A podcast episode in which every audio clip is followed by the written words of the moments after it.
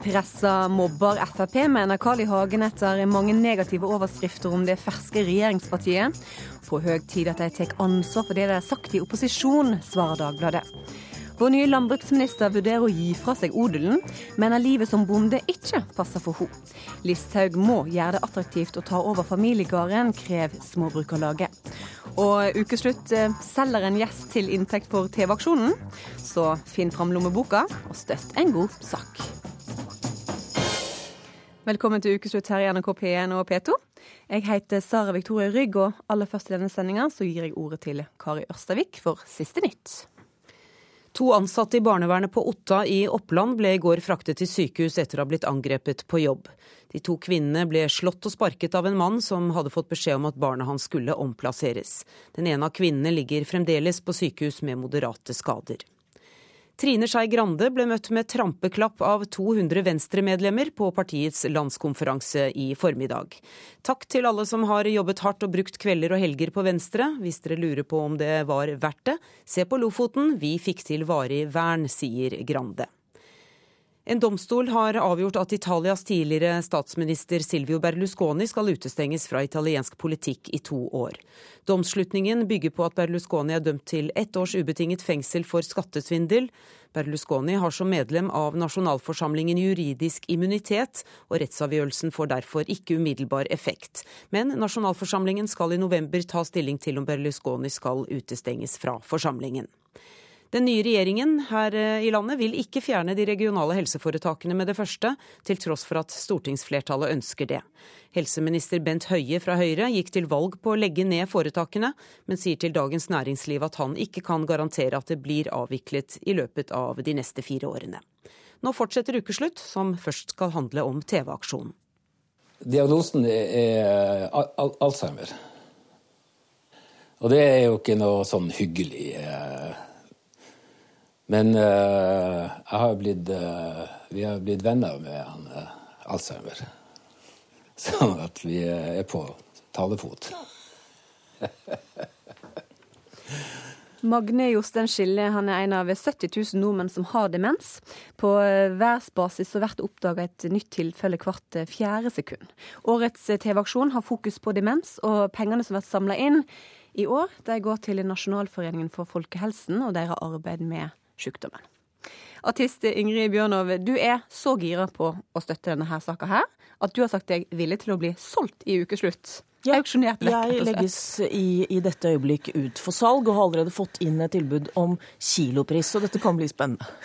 Er du klar over hva du har sagt ja til? Nei, på ingen måte. Men, men jeg, tror det er, jeg tror det sånn følelsesmessig så tror jeg at mange er der jeg er. At liksom ja, dette har vi. Eh, dette er vi vant til, alle har noen de besøker, presenterer seg for, peker på bilder og sier 'ja, men husker du ikke meg?' Og det gjør de ikke. Og det, er, det griper oss langt inn i hjerterota, så derfor er det en sann fornøyelse å få være med på dette. Hvorfor skal folk eh, kjøpe deg?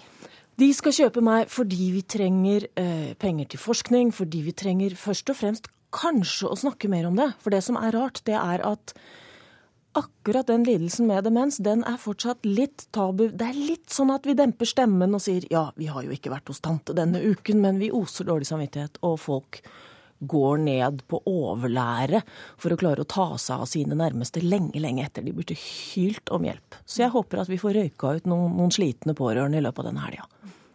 Folk kan eh, kjøpe deg, og dermed bidra til en god sak. Hva kan jeg bruke deg til? Ja, der, jeg innrømmer jo at jeg hadde tenkt i retning klaverspill. Jeg hadde tenkt i retning eh, kjøp en huskonsert.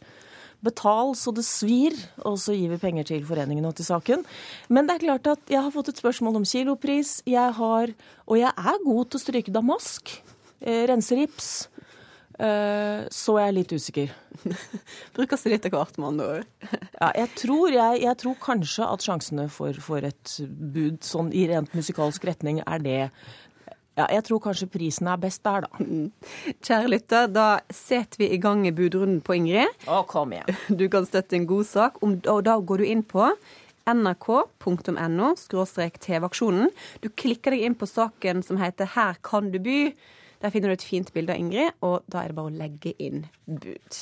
Eh, Ingrid Bjørnov, vi får bare vente i spenning og se hvilken bud som kommer inn her. Du er personlig engasjert i, saka, i demenssaka. pga. en morfar som, som, hadde demens. Ja, jeg tror kanskje det begynte med morfar, men nå, det tikker jo inn fra alle kanter nå. Altså Det er atskillig flere i familien som er, som er rammet av det.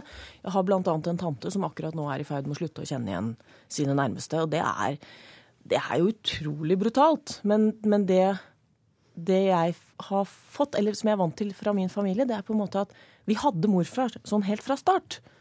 Morfar jeg tror ikke han ante hvem jeg var. Han var den første hos oss som fikk fast plass. Men det som var så uendelig fascinerende, var at han Musikken var liksom veien inn til morfar. Så, det, så lenge jeg kunne spille mellom bakker og berg ut med havet, så fikk jeg en eller annen kontakt med morfaren min som jeg ellers ikke hadde. Mm. Og det gjør at uh, ja, det ligger mitt hjerte nær å se at når folk mister språket, så er det kanskje musikken du klarer å nå fram til dem med. Mm. Og det merker jeg når jeg spiller på sykehjem og sånn også. Mm. Tor Atle Åsnes, du er lege og demensforsker. Hvorfor skal vi støtte denne saka her? Dette er jo en kjempeviktig sak som eh, rammer eh, si, en person annethvert sekund rundt om i hele verden. Og nå er det 70 000 eh, godt og vel i Norge som har sykdommen, og det vil bli mange flere i de tiårene som kommer.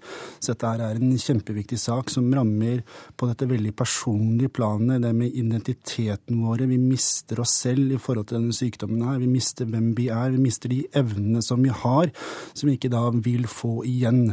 Og ikke minst mister vi dette gode familieforholdet, dette her forbindelsene med vår omgangskrets, våre interesser, våre hobbyer. Alt blir gradvis borte, så dette er en kjempeviktig sykdom å forebygge og bekjempe. Mm. Hjernen er et mystisk eh, organ, og komplisert organ. Du har kanskje litt mer peiling på hjernen enn det veldig mange andre har. Prøv å forklare oss, hva er det som skjer oppi hodet til en person som får demens? Det er flere ting som skjer, men man må huske på at den viktigste risikofaktoren for eh, demens, og da spesielt Alzheimer, er aldring. Så det skjer eh, flere endringer i hjernen som ikke vil, bl.a. en opphopning av plakk og noe som heter floker, og noe med at eh, blodforsyningen ikke er helt tipp topp som den skal være. Også alle disse her endringene i en hjerne som da har levd mange år, bidrar til at noen får um, en, en, en, endring, en sykelig endring i områder som hippocampus, som er gjerne da forbundet med det med å huske. Og så får man disse her klassiske demenssymptomene, som det å huske det, som, som, at man ikke husker, og at man har problemer med språket og resonnering. Men som eh, Ingrid var så veldig godt inn på, at det med musikk kan være en måte å nå fram til, selv i et sent stadium av sykdommen. Ja, Det er jo det som er så forunderlig, at det virker som om det går en slags motorvei rett inn til en eller annen form for gjenkjennelse. og det det er fascinerende for meg å ha fagfolk der, da. Men kan jeg bare spørre deg en ting? Fordi jeg, jeg har lest en, Det er en kar som heter Oliver Sacks, som er en uh, fenomenal professor, som skriver ganske underholdende om dette at du kan få et drypp, og så våkner du med valdresmarsjen i venstre øre, og der har du det i årevis. Altså at det virker som om musikk er et eller annet som hjernen har heklet sammen noe gjenkjennende mønster, og når du hører noe du kunne en eller annen gang for lenge siden, så vekker det et eller annet og det virker som du kommer rett på dem. Jeg skjønner jo ikke det. Du kan sitte der og ikke kjenne igjen din egen familie, men du kan herre med bart. Er ikke det rart? Hvorfor er det sånn? Ja, og det er, det er, veldig rart. Og Oliver Sacks er jo veldig god på dette området her. Og det har nok noe med det at hukommelsen vår er blir Altså når vi klarer å forbinde det med det følelsesrike. Det med å liksom sånn høre en, en, sang eller en, en arie, eller at vi forbinder dette her med følelser, og at dette her når da veldig inn i forhold til det basalmekanismen i det å huske. Så når vi husker med følelsen, så er det en tendens til at vi lagrer dette her bedre enn hvis vi husker med fornuften. Er det, derfor, er, det derfor, vi glemmer pinnkoder først? Litt. Det er litt mer samsagt. sagt, men hvis man bruker mer av hjernen når man lager noe, og da også er musikk et godt eksempel på at man bruker både høyre og venstre hjernehalvdeler og, og, store andre områder i hjernen, så blir det da en tendens til at dette kunne lagres bedre, slik at man også husker det når man har en demenssykdom. Dette er en komplisert sykdom eh, som det er vanskelig å sette seg inn i, men den, men den er jo der for veldig mange, eh, eh både pårørende og de som opplever den derfor setter man fokus på den i TV-aksjonen eh, i år. Takk for at du kom til studio, Tor Atle Rosnes. Takk til deg og Ingrid Bjørnov i denne omgang. Du blir sittende nervøs på bakrommet og vente. Ja, rett og slett. Altså realitetene. Hva er jeg verdt? Det er klart det er, et, det er også et følelsesmessig brutalt uh, spørsmål. Auksjonen den holder på deg. Den holder fram resten av sendinga, resten av dagen i dag, mm. og så avsluttelsen i morgen på, på TV-aksjonen. Mm. Der skal jeg ta en uh, trall. Og jeg er helt uaktuell, så det er veldig deilig egentlig i denne sammenhengen. vi, vi snakkes litt senere, Ingrid. Kan den nye landbruksministeren vår mjølke ei ku, mon tro? Svaret får du om litt, men først får du Diana Ross med låta 'Upside Down'. Her i ukeslutt.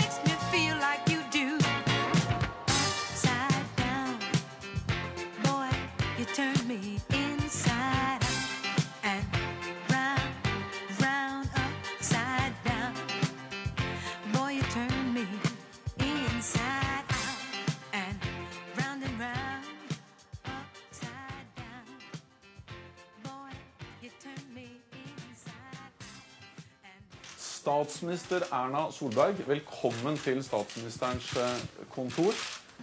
Nå tar du over, og eh, jeg har gleden av å ønske deg lykke til. Og gjøre det ved eh, å overrekke deg adgangskortet til statsministerens kontor. Det er kanskje det mest synlige uttrykket for at nå går jeg av som statsminister, og du går på som statsminister. Gratulerer og lykke til. Tusen Takk så blomster. Denne veka sa Jens Stoltenberg takk for seg, og Erna Solberg flytter sakene sine inn på statsministerkontoret. Norge har fått eh, en ny regjering bestående av Høyre og Frp, og det er historisk. Hør bare hvor glad Frp-erne var på onsdag. Gratulerer. Gratulerer. Gratulerer. Gratulerer. Som du ser, stemninga er høy. Endelig, eh, så må jeg bare si endelig så er vi der vi skal være. Og nå å endelig få oppleve den store dagen, jeg må bare si det, det er helt fantastisk. Du står der jo med tår i øyekroken, selvfølgelig. Yes, dette blir utrolig gøy og spennende. Så bare liksom Ja, dette skal vi klare å få til. Jeg er 40 år sjøl, så partiet har prøvd å komme i regjering så lenge jeg har levd. Det gjør godt, og det er litt sånn eh, klump i halsen. Det ble altså skrevet historie da Frp denne veka eh, ble en del av den blå regjeringa. Men eh, statsrådene fra Frp hadde knapt fått testa de nye kontorstolene sine før presset hadde gravd fram gamle skjelett fra skapet. Likestillingsminister Solveig Horne hun hadde ytra seg kontroversielt om homoeventyr og voldtekt. Justisminister Anders Anundsen hadde brent Tønsberg Blad i protest og boikotta dem. Og ikke noe med det landbruksminister Sylvi Listhaug. Hun hadde en gang kalla landbruket for kommunistisk. Tidligere Frp-formann Carl I. Hagen, du mener pressa driver heksejakt og mobbing av Frp. Hvorfor det? Ja, for jeg syns de burde opplyse litt sånn til det norske folk, ikke bare være på jakt etter å hevne seg fordi Frp nå har kommet i regjering, hva norsk presse samlet har gjort hva de kan for å hindre, og de føler jo at de har tapt og skal nå hevne seg. Eh, den nye regjeringen skal ikke styre på Fremskrittspartiets program. Den skal ikke styre på Høyres program. Den skal ikke styres på meningene statsrådene hadde før. Den skal styre på en fremforhandlet politisk plattform på en vel 70 sider. Det er det som er grunnlaget, og det syns jeg pressen burde informere og opplyse det norske folk om. I stedet for å kaste seg over og late som om det er tidligere utsagn fra opposisjon, eller om det er respektive programmer som skal gjennomføres. De burde ha litt informasjonsansvar. Istedenfor å altså, La de få lov til å være noen dager, kanskje noen uker, da, før man begynner denne her heksejakten og mobbingen av statsråder. Tidligere uttalelser som har vært helt greie i opposisjon, som har vært omdiskutert før. Dette er ikke gravende journalistikk, dette er grafsing. Men det var jo mye saftig å ta tak i her. Skulle ikke vi ha brydd oss om det i det hele tatt?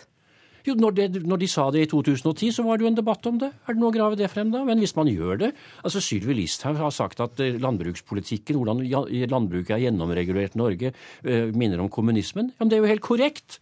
Hadde Dagbladet sjekket det kommunistiske planøkonomiske systemet, så hadde de jo sett at er styrt av det offentlige og igjennom. Og det er et korrekt uttrykk.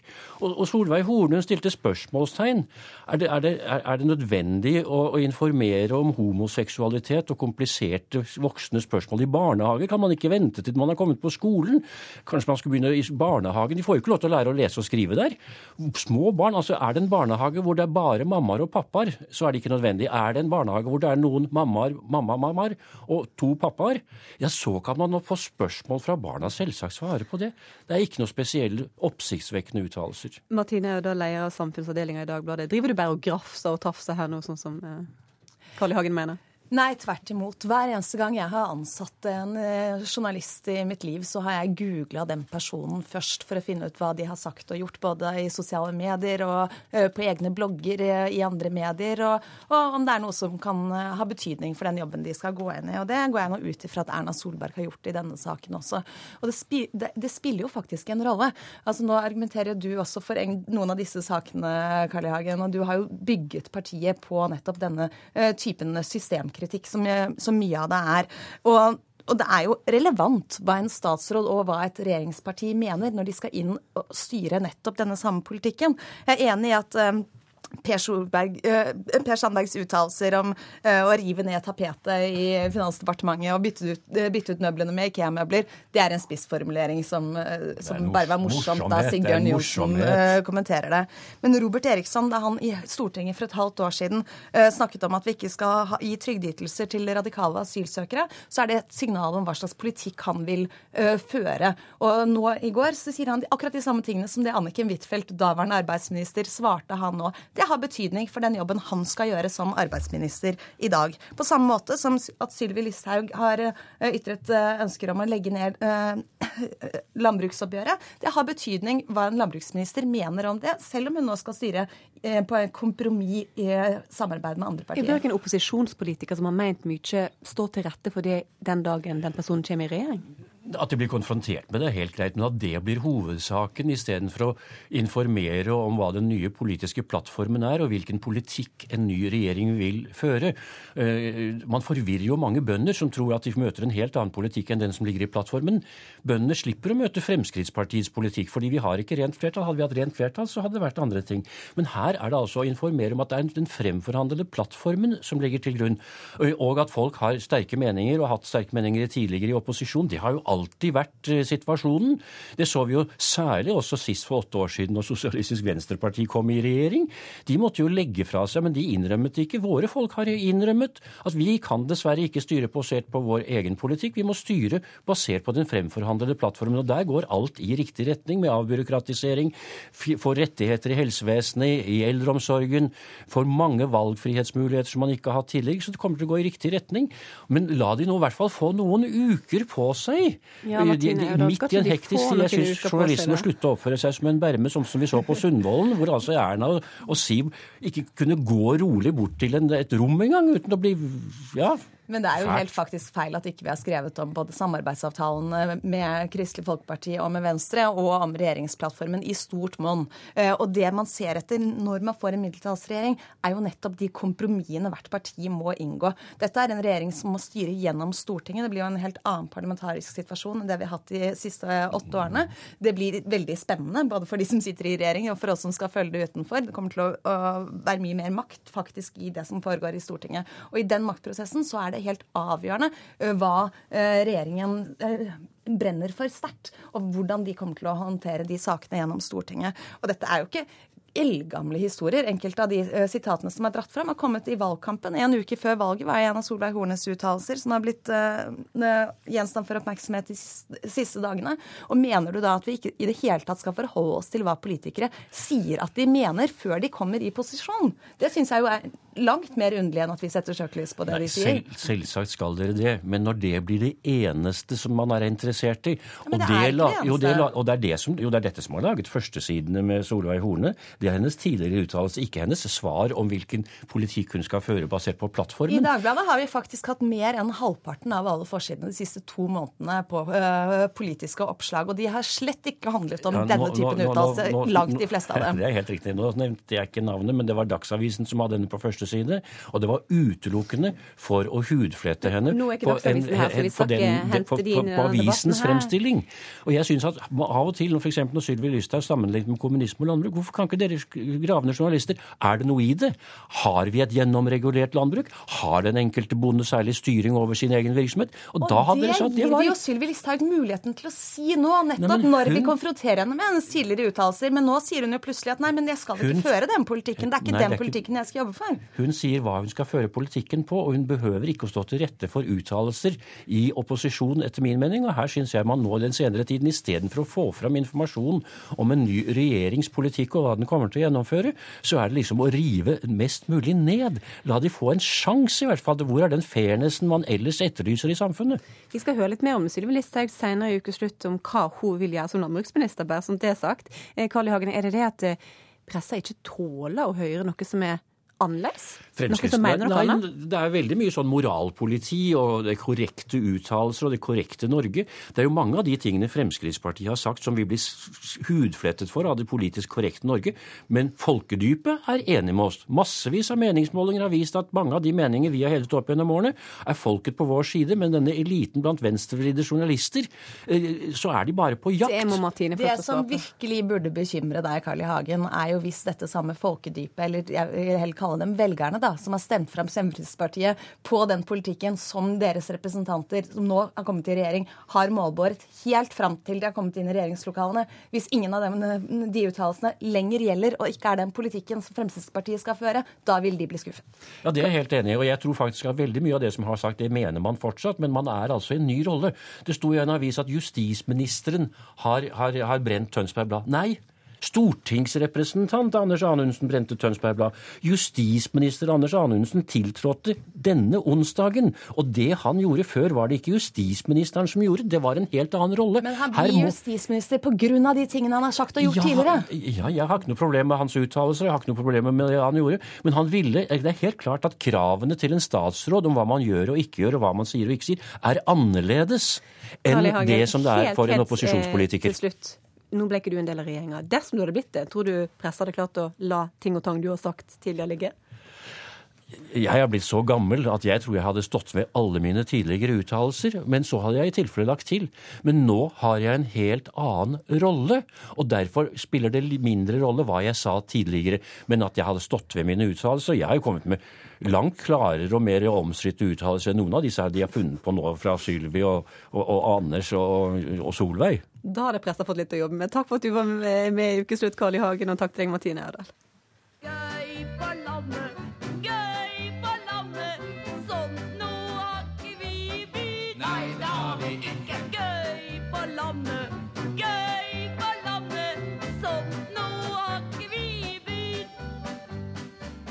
Ja, Mange bønder er nok litt redde for at det ikke blir like gøy på landet nå når eh, Frp har tatt over styringa av Landbruksdepartementet. Sylvi Listhaug, vår nye landbruksminister, som vi allerede har pratet litt om her i sendinga, har eh, sagt at hun gjerne vil gjøre det attraktivt for unge med gårdsdrift. Men sjøl så vurderer hun å gi fra seg odelen.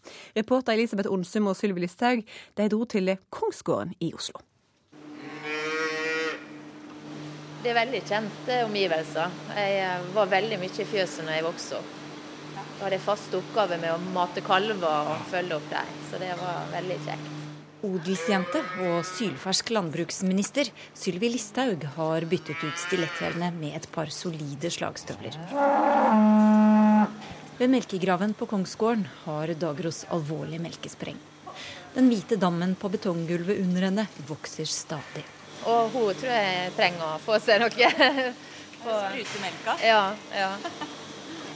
De snilleste smaker Snille alle sammen her. Etter å ha rengjort spenene til kua tar Listhaug et godt tak. Tynne, hvite stråler spruter i flere retninger. Men du bare skviser, og så drar du? Ja. Mm. Men er det, ikke sånn, er det ikke en spesiell eh, metode man bruker da? Jeg bruker å gjøre sånn. Skulle nesten gjort sånn som jeg var liten. Da var det jo av og til at vi tok rett og slett melka rett i munnen. Hei. Merete Furuberg. Merete Furuberg er leder i Bonde- og småbrukarlaget. Fremskrittspartiet i landbruksministerstolen har skapt en viss frykt i næringen. Det er den eh, desidert mest utfordrende regjeringserklæring som er lagt fram noensinne. Eh, Sylvi Listhaug er sjøl odelsjente. Og appellen min er å lage så god politikk at uh, Sylvi Listhaug sjøl finner det økonomisk interessant å ta over egen eiendom hjemme i Møre og Romsdal. Sånn, Vi tar med oppfordringen til Kongsgården. Akkurat nå er Listhaug i gang med å sette en melkemaskin på en av kuene. Fire svarte sugekopper skal plasseres riktig på juret. Det er ingen jobb for amatører. Sånn. Jo, det er fint. Hvis du har noen ledige helger, så ja. Ledig jobb på Kongsgård. Har du bestått det der? Ja. ja, det var bestått? Ja, ja. Det er ikke mange som setter på den første Eller uten at det detter av noen ganger. Ja da, nei, men jeg har gjort det før. Det som er viktig, at det ikke kommer luft inn i ja. Du er jo odelsjente. Har du bestemt deg for om du skal ta over gården eller ikke? Altså ikke endelig bestemt. Altså. Og jeg syns det er veldig vanskelig. Men, Hvorfor er det vanskelig? For meg er det ikke aktuelt å drive den om jeg tar den over. Og det er rett og slett fordi at det er veldig mye arbeid med en gård. Det er lite fri. Altså du, I hvert fall slik som vi har drevet gården, så krever det at du er i fjøsen morgen og du er i fjøsen kveld. Og slik er det 365 dager i året. Og hvis du skal noe, så må du planlegge nøye. Så det er en livsstil som ikke passer for meg. Likevel, Listhaug vil gjerne se flere unge i landbruksnæringen. Vel, da må hun legge om politikken, mener Småbrukarlaget. Foreløpig så er det stikk i strid det som står som konkrete virkemidler til at det kan være attraktivt å gi optimisme for unge som vil ta over. Her har vi altså et purkfjes som er er klart for smågrisproduksjon, altså fødeavdeling.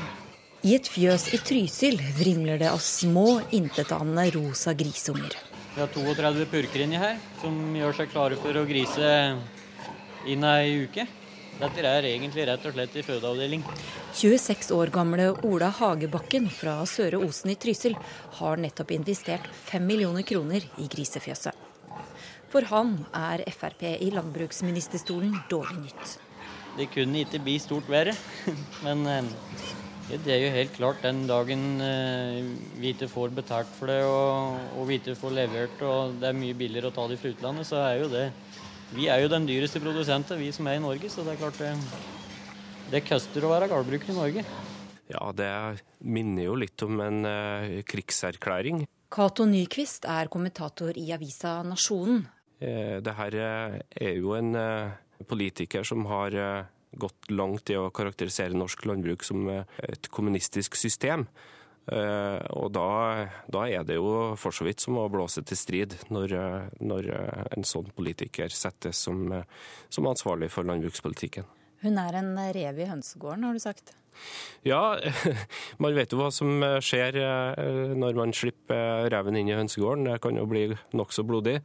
Eh, hun har jo omtalt markedsreguleringene i jordbruket, som landbruket da er, er veldig opptatt av å beholde, som, eh, som galskap og helt sprøtt. Og er vel en representant for politikere som synes det er viktigere med billigere mat enn med levende bygder. Jeg eh, velger å snu det andre kinnet til og si til han at eh, hvis du har gode innspill, så kom med dem, så skal vi høre og se. Men det er ganske voldsomme ord? Ja, men jeg er politiker og jeg skal tåle en støyt. Rev i hønsegård? Ja, jeg har sagt mye rart. Men jeg er i grunnen ganske ufarlig. 35 eh, år fra Sunnmøre, oppvokst på gård. Traska mine barnestøvler i fjøset. Så jeg tror ikke jeg er så farlig som kanskje noen har prøvd å framstille meg som. Kjære lytter, tidligere i sendinga så setter vi i gang en auksjon på Ingrid Bjørnov for å få inn penger til TV-aksjonen. Du kan eh, få ho og pianoet hennes hjem i stua di om du går inn på nrk.no TV-aksjonen. Du klikker deg inn på saka 'Her kan du by', og der kan du legge inn et bud på Ingrid. Pengene de går til Nasjonalforeninga for eh, folkehelsen og deres arbeid med demens. Og buda de har allerede begynt å tikke inn. Du lytter til ukeslutt i NRK P1 og P2. Halv fram med det å høre at åpne skattelister er bra for demokratiet, mener riking som ble fattig over natta. Det er som å grave i skittentøyskroger til naboen, svarer mannen som saksøkte staten på journalistene. Og likestillingsministeren gremmer seg nok litt da homoeventyrkommentaren hennes ble henta fram og børsta støv av. Ukeslutt fikk hjelp av Eskil Pedersen og Bjarte Hjelmeland til å lage sitt eget homoeventyr. Du må spørre mor mi. Har Solveig i hornet. det er gøy.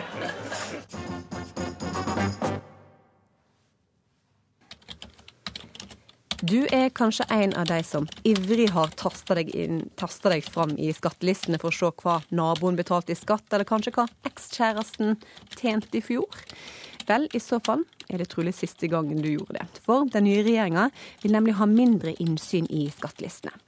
Ida Vollvik, eh, gründer og forretningsmann, du mener det er viktig med åpne skattelister. Det til tross for at du har fått merke at eh, listene ikke alltid er helt korrekte. Hva var det som skjedde med deg? Ja, I mitt tilfelle så hadde jeg jo mye penger og, og mista dem og veldig brått. Og, og det ble jo eh, litt rart for mine kreditorer å se det at, eh, at jeg hadde eh, penger på bok ifølge skattelistene, men jeg ikke betalte. At, eh, og, og, da kom jeg jo en, skal du si, en troverdighetsklemme som var veldig ubehagelig. Og, og, det er helt klart at personlig har jeg opplevd det negativt. Men eh, en kan jo ikke styre samfunn etter enkeltindividers velbehag. En må jo tenke på eh, flertallet og fellesskapet. Og nå vil altså de, de blå eh, ha mindre innsyn i skattelistene. De mener at det er en privatsak hva folk tjener og hva de betaler skatt. Hva, hva syns du om det? Nei, jeg, jeg mener at uh, det er veldig rart og betenkelig at uh, Norge som et foregangsland, altså look to Norway, uh, skal plutselig nå bli et mer lukka samfunn. Det er feil vei å gå. Dagfinn Berg, du eh, gikk i 2010 til søksmål mot staten fordi det var gjort en feil i offentliggjøringa av din inntekt i skattelistene. Etter et par runder retten så vant du, eh, så ble staten i fjor dømt for å ha krenka deg. Dommen den er ikke anka, så det betyr at den står. Du mener at det er bra med mindre innsyn i skattelistene. Hvorfor det? For det første så må jeg jo si at i min enfoldighet så trodde jeg at en dom skulle føre til en eller annen reaksjon mot den domfelte. Men det gjelder jo da ikke staten, for det har ikke blitt noen forandringer. Eh, heller har jeg ikke fått en unnskyldning. Men eh, jeg mener jo at dette er å grave i skittentøykurven til eh, ja, alle. Og jeg skulle ønske at ett år ble skattelistene snudd på huet, og at de med lavest inntekt står der. På den annen side så kan jeg jo forstå min motdebattant på at han han har jo stått i den offentlige gapestokken ganske ettertrykkelig i noen år. Og da tenker han vel at da burde alle andre få kjenne samme medisin. Ida Vollvik, er det derfor du vil ha åpenhet i skattelistene? Nei, altså jeg, Jeg bærer ikke nag til noe eller noen. altså Mine egne eh, opp- og nedturer, de, de på en måte, dem, eh, dem, eh, skal du si, de, de får bli mine egne. Og så ønsker jeg egentlig alle bare godt, jeg.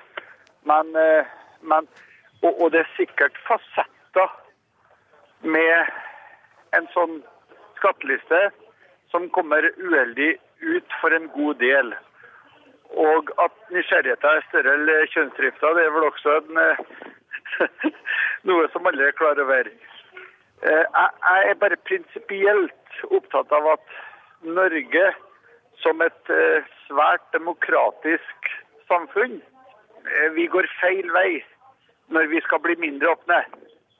Det er, det, er et, det, er et, det er ikke et bra signal å gi verken kommende generasjoner eller alle som bruker Norge som et foregangsland i svært mange sammenhenger.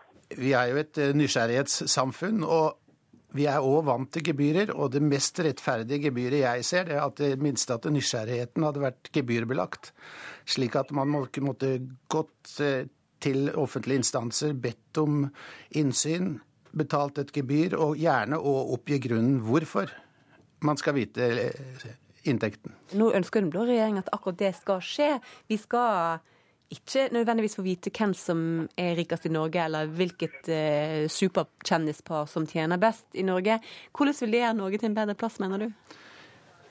Jeg mener jo at personlig inntekt det er en privatsak. Og i mitt tilfelle så sa jo ingenting om at eh, den høye inntekten jeg fikk, det gjaldt et salg.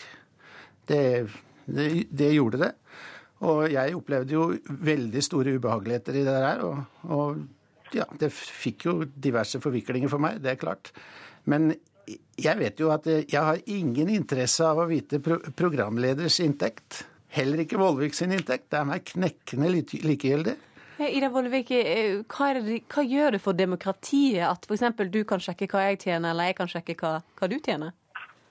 Jeg tror ikke at, eh, at det er gitt eh, en enkeltperson som meg selv og berette alle positive og negative aspekter med akkurat skattelisten. Og, og, og, og i Norge jeg skjønner heller ikke noe problemet med at vi ser om at naboen eller om at har tjent tre millioner. Jeg mener at det har vært en holdningsendring.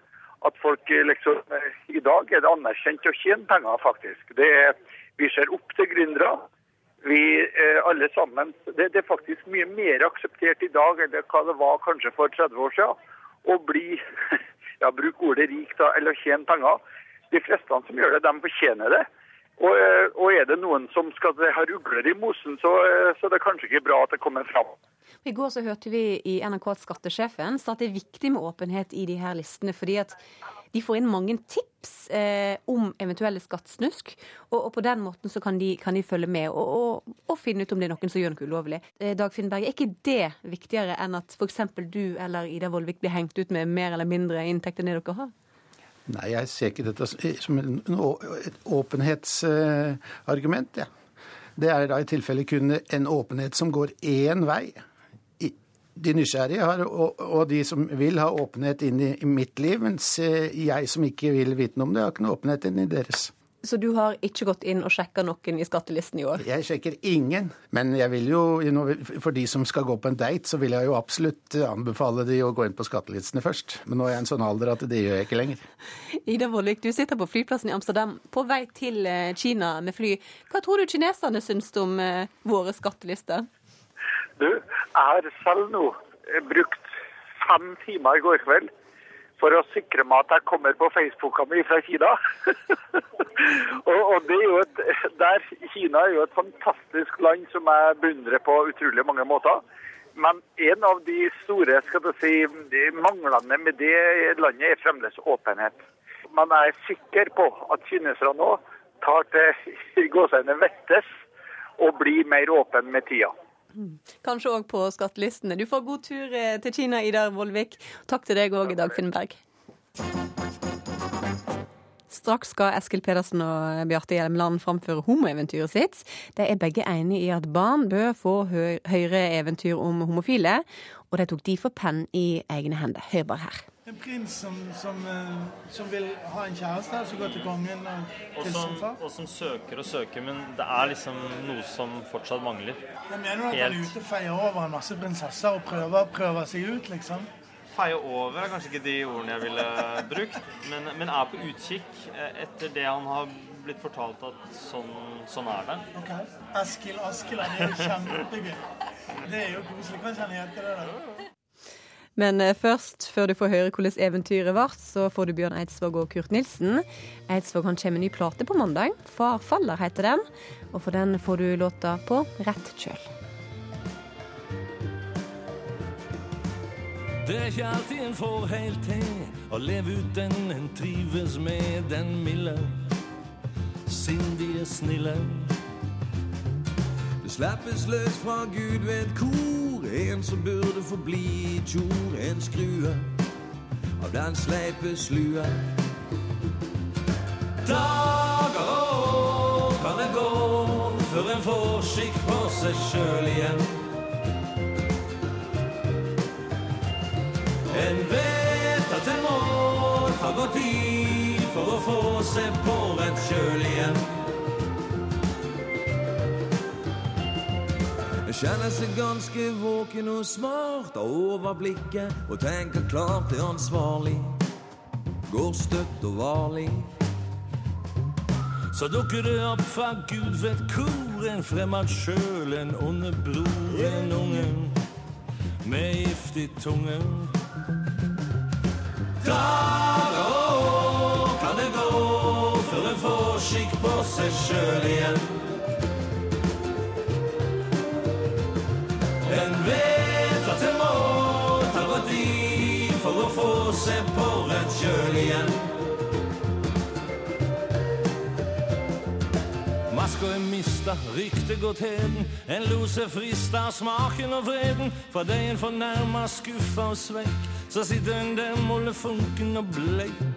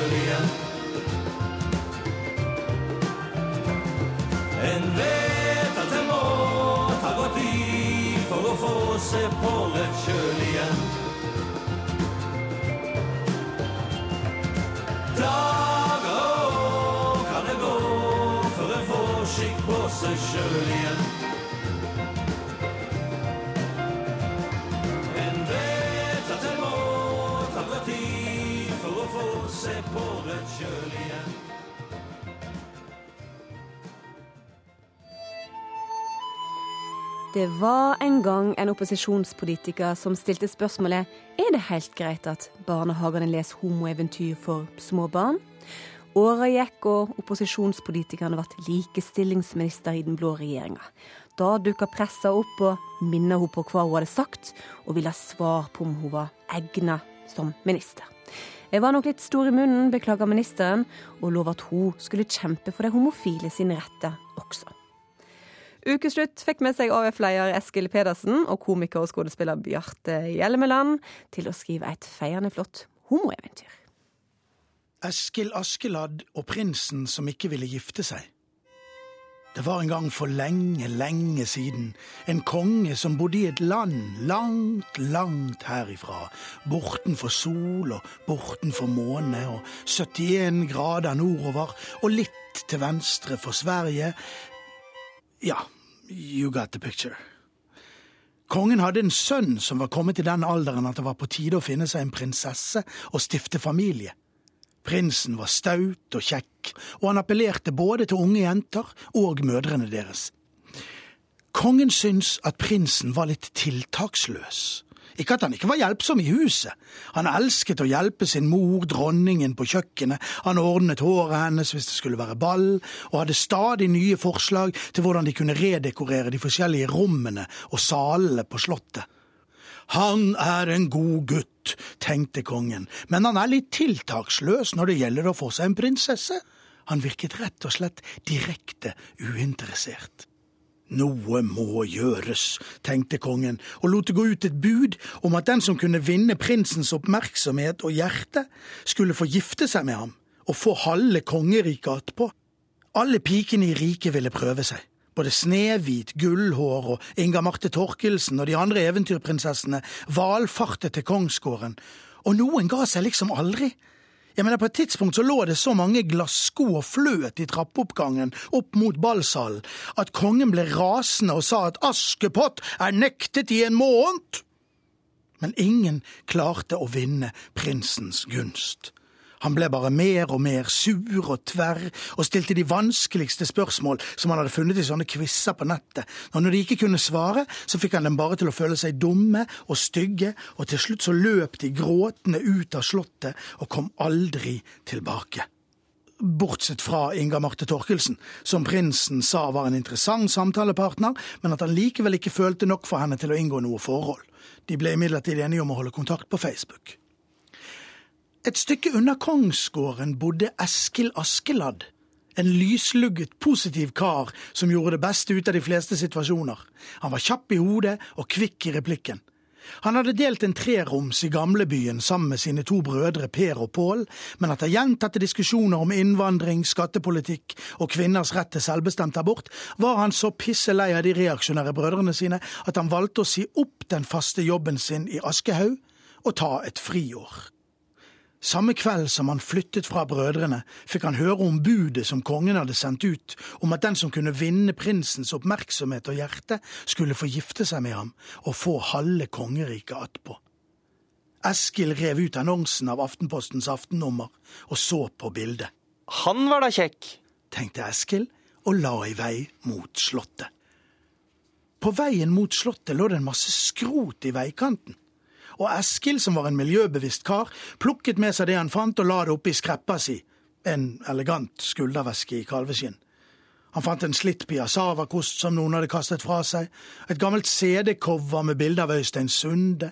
Litt lenger fremme lå det et par partiprogram fra Frp og slang i veikanten. Typisk, tenkte Eskil Askeladd, plukket dem opp og la dem oppi kalveskinnsveska. Miljøsvin, utbrøt han for seg selv men da var det som om ordet frøs på hans munn. For der, foran ham, reiste seg Slottet. Kongeslottet. Vakkert og eventyraktig lå det der, med åpne porter inn til borggården. En følelse av høytid fylte Eskils bryst da han steg inn på den åpne slottsplassen som var full av mennesker og liv og røre. Eskil gikk med bestemte skritt til midten av plassen der kongen sto. Jeg vil gjerne friste lykken med prinsen, sa Eskil så kjekt han bare turde. Å, ha deg vekk, din lille soper, svarte kongen, kastet med hermelinskappen og vendte ryggen til Eskil for å gå. Soper kan jeg gjerne være, svarte Eskil og trakk piassavakosten opp av skulderveska si og ga seg til å koste gårdsplassen i kongsgården. Ha-ha, du er visst kjapp i kjeften, du, sa kongen og begynte å le av den overraskende kommentaren. Nei, jeg er ikke kjapp i kjeften, men han her er kjapp i kjeften, svarte Eskil og holdt opp bildet av Øystein Sunde. Ha-ha, du er da helt usannsynlig, knegget kongen mens han holdt seg på magen og lo. Nei, jeg er ikke usannsynlig, ropte Eskil og holdt opp partiprogrammet til Frp. Men dette her er usannsynlig. Nei, nå har jeg aldri sett på makan, sa kongen og lo. Her har du makan. Nærmest ropte Eskil Askeladd og viftet det andre partiprogramheftet opp i ansiktet på kongen. Nå lo kongen så fælt at han rullet rundt på bakken mens han ropte Hold på meg, jeg ler meg i hjel! Nei, deg vil jeg ikke holde på, men jeg vil gjerne holde litt på sønnen din, ropte Eskil. Kongen ble brått stille, reiste seg opp og børstet av hermelinkappen sin. Du mener alvor, du, sa kongen. Han mønstret Eskil Askeladd skeptisk. Jeg vil i hvert fall ha lov til å møte ham. Svarte Eskil og holdt blikket til kongen, selv om han nesten ikke turde. Kongen tenkte seg om et øyeblikk, så henvendte han seg til en av skiltvaktene og sa med myndig stemme, Bring prinsen ut hit! Prinsen ble hentet ut i borggården, og i det samme øyeblikk han så Eskil, så var det som om tiden stoppet, og alt gikk i sakte film. Men der er du jo, stotret prinsen, nesten uten å forstå hva han selv sa. Ja, svarte Eskil lavt. Her er jeg.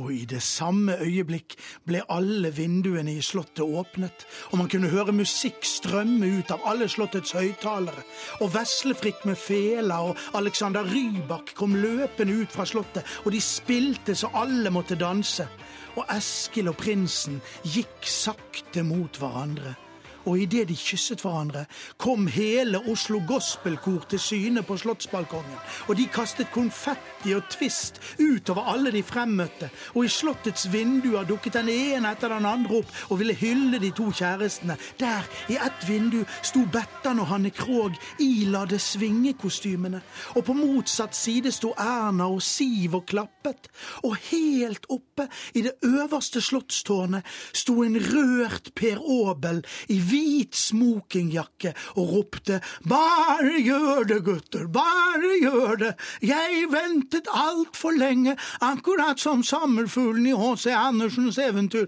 som fløy fra blomst til blomst og aldri slo seg ned hos noen kjæreste, og det er jo det vi ikke må, ropte Per, og alle forsto at han hadde rett og snakket av erfaring, og barne- og likestillingsminister Solveig Horne løp frem og klemte de to elskende og utbrøt Per har rett, elsk hverandre, men som føyde til og selvfølgelig kan vi fortelle om dette i barnehagene, og dermed begynte alle å gråte av glede og kaste ting opp i luften mens de sammen sang Carolas hyllest til kjærligheten. Jeg er fångad av en stormvind, fast for deg, ingenting kan hindre meg når det blåser i mitt hjerte, fångad av en stormvind natt och dag. Här finns bara du och jag och det ljus som himlen lämnat kvar.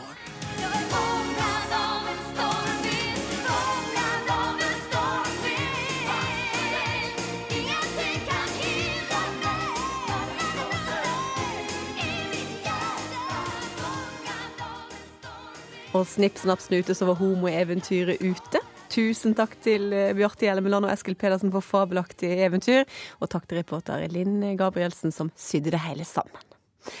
Vi skal tilbake til vår lille auksjon til inntekt for TV-aksjonen. Pengene de ruller inn, men det er bare å holde fram med å by. En av de som vil få hjelp takket være pengene som kommer inn til TV-aksjonen, det er Magne Josten Skille, som du møtte så vidt i starten av sendinga. Han fikk diagnosen Alzheimer for noen år siden. Når eh, diagnosen kom, så, så gikk Man går jo rett i eh, svart. Men så begynte jeg å finne ut at det, der var helt unødvendig. Så det finnes jo jeg har, jeg har jo ei kone som er fantastisk til å støtte meg. Så hun har pusha meg hele tida, spesielt i den første tida når jeg fikk eh, diagnosen. Han var eh, daglig leder i Stiftelsen Sjømannskirka, som var en kulturinstitusjon. Og på våren så begynte vi å finne ut at vi måtte få ham til doktor. Og ungene var enige, og jeg syntes også det var litt viktig. Jeg ante ikke hvorfor jeg sleit så forferdelig. Eh, det ble verre og verre. Eh, helt til kona mi kom ned på jobben der som jeg jobba. Så kom hun ned, og så begynte hun å se litt inne på kontoret der. Og da lå det saker og ting overalt. Og, og uh, da gikk det opp for henne at her er det et eller annet som har skjedd. Og så fikk du time hos doktoren i august. Ja, august. Ja. Og da var jeg med. Nei. og så 18. desember, tror jeg det var samme året, i 2008, så var vi på hukommelsesklinikken i Oslo. Og fikk da endelig bekreftelse på at det var Alzheimer. Og så dro vi hjem, og så sa han kan du komme og lese, jeg har skrevet en mail. Når jeg fikk diagnosen, så jeg bestemte meg for at uh, jeg skulle være helt åpen på, på. Ikke, altså, begynne å pakke det inn og prøve å skjule det på en eller annen måte, det vil bare bli dumt. Og spesielt på en sånn sykdom så vil man jo etter hvert opp, oppdage at det er et eller annet som er med han der. og da han skrevet mail til alle som han hadde mailadressen til, og det var ganske mange, i og med at han hadde vært forretningsmann i alle år. Og da han skrev mail om at vi var, hadde fått en til i familien, og det var Alzheimer. Og det var det han som hadde fått. Og jeg vet ikke hvor mange mailer og telefoner og, som kom da i, i positive ting. Så det var en veldig, veldig veldig bra ting at han gjorde det. Mm. Og siden har hele byen egentlig støtta opp.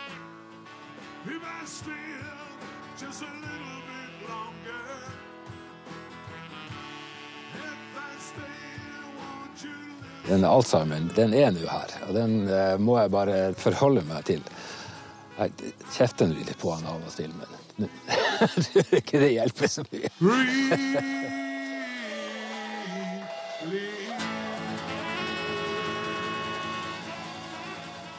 Og her på slutten så hørte vi bandet til Magni Jostein Skillespillet. Du kan få se mer til Magni TV-aksjonen på NRK eh, i morgen. Reporter det var Gjermund Tornhol. Artist Ingrid Bjørnar, velkommen tilbake i studio. Tusen takk. Du er akkurat nå verdt 4200 kroner. Der, der, kan du se! 4200 kroner. Vi er i gang. Vi er i gang. Ja. Uh, hvis det hadde stått noen med en bøsse på døra, og vi hadde puttet opp i 4200 kroner i 50-åringer, så ville det vært et fantastisk bidrag. Så, så kjør på. Men vi, vi, er jo knapt begynt. Det skal bli mer penger etter hvert. Jo, men 4200 kroner er en meget fin utgangssum. Men uh, vi har vel et døgn halvannet til. Mm. Hvordan er det å, å, ha vært, eh, hvordan er det å være til salgs? Ja, det er underlig. Det er underlig. Jeg lurte jo på liksom sånn sjøutsikt. Nei. Eh, altså hva man skal Jeg føler meg som en boligannonse. Eh, men jeg syns det er fint. Og jeg vil understreke at jeg er ganske god til å stryke. Det har du kommet på. Du er, du er god til å stryke rips ja. og piano. Eh, jeg kan rense rips, og ja. Eh, så det kan jo hende at noen kombinasjonstilbud her kunne øke prisen. Men eh, det handler om TV-aksjonen, og jeg er veldig glad for å være med på den. Så, og det kommer til, Når jeg hører de innslagene deres Det kommer til å bli mye grining denne helgen, er det vel egentlig det jeg kan si. For dette sitter vi oppi alle sammen. Ja. Så fortsett å, å, å, by på Ingrid, og følg med på TV-aksjonen i morgen, eh, folkens. Det er en god sak dere støtter. Du, Ingrid, skal spille og, og synge i morgen. Lykke mm. til, og lykke til med aksjonen. Tusen takk. Vi venter i spenning. By, by, by, by, folkens. By, by, by. Mm. da er det på tide med et værvarsel. Statsmeteorolog eh, Inger Lise Aasen Vær så god. Ja, takk skal du ha. Og vi starter da med noen spesialvarsler. Søndag ventes lokalt vanskelige kjøreforhold i Agder, Telemark og på sørlige Østlandet pga. nedbør som snø. Og i Øst-Finnmark lørdag og søndag ventes vanskelige kjøreforhold pga. nordøstlig liten storm, sludd og snø og temperaturer rundt null grader. Og det blir ingen store temperaturendringer i Norge det kommende døgnet. Så til værvarselet, som da gjelder fram til søndag klokka 24. Fjellet i Sør-Norge får bris omkring øst- og oppholdsvær. Søndag østlig kuling utsatte steder og litt snø sør for Finse. Østland og Telemark nordøstlig bris og opphold. Søndag økning til liten kuling på kysten. Sør for Oslo perioder med litt sludd og snø, med regn nær kysten. Ellers opphold og noe sol. I Agder nordøstlig bris, økende til liten kuling på kysten. Fra sent i kveld stiv kuling sør for Torungen, og det blir litt regn i vest med snø i høyden. Ellers oppholdsvær. Og søndag vil det regne med snø over 200-400 meter. Rogaland og Hordaland får østlig frisk bris utsatte steder. Fra i kveld stiv og kan hende sterk kuling sør for Obrestad. Perioder med regn, men nord i Hordaland opphold. Sogn og Fjordane og Møre og Romsdal får nordøstlig bris. Fra i kveld periodevis liten kuling på kysten fra Stad og nordover. Det blir opphold, og i nord til dels pent vær. Trøndelag får nordlig bris og avtagende bygeaktivitet. Søndag østlig bris. Om kvelden frisk bris utsatte steder og pent vær. Nordland nordvestlig bris og opp til stiv kuling på Helgeland. Det blir noen snøbyger. Søndag nordlig periodevis liten kuling og spredte sluddbyger vesentlig i nord. I Troms blir det nordlig opp mot stiv kuling. Fra søndag ettermiddag frisk bris, og det ventes noen snøbyger. I Finnmark øker vinden til nordlig stiv kuling med opptil liten storm i østlige deler. Fra søndag ettermiddag minking til nordvestlig frisk bris med stiv kuling i øst. Det blir sludd- og snøbyger med lite nedbør på vidda. Vi tar med Nordensjøland på Spitsbergen til slutt. Her blir det østlig bris og pent vær. Fra søndag ettermiddag nordvestlig opp mot frisk bris og spredte snøbyger. Og det var værvarselet fra Meteorologisk institutt. Ukeslutt er over for i dag. Ansvarlig for sendinga var Ida Tune Øretsland. Hilde Tosterud styrte teknikken, og jeg heter Sara Victoria Rygg. God helg!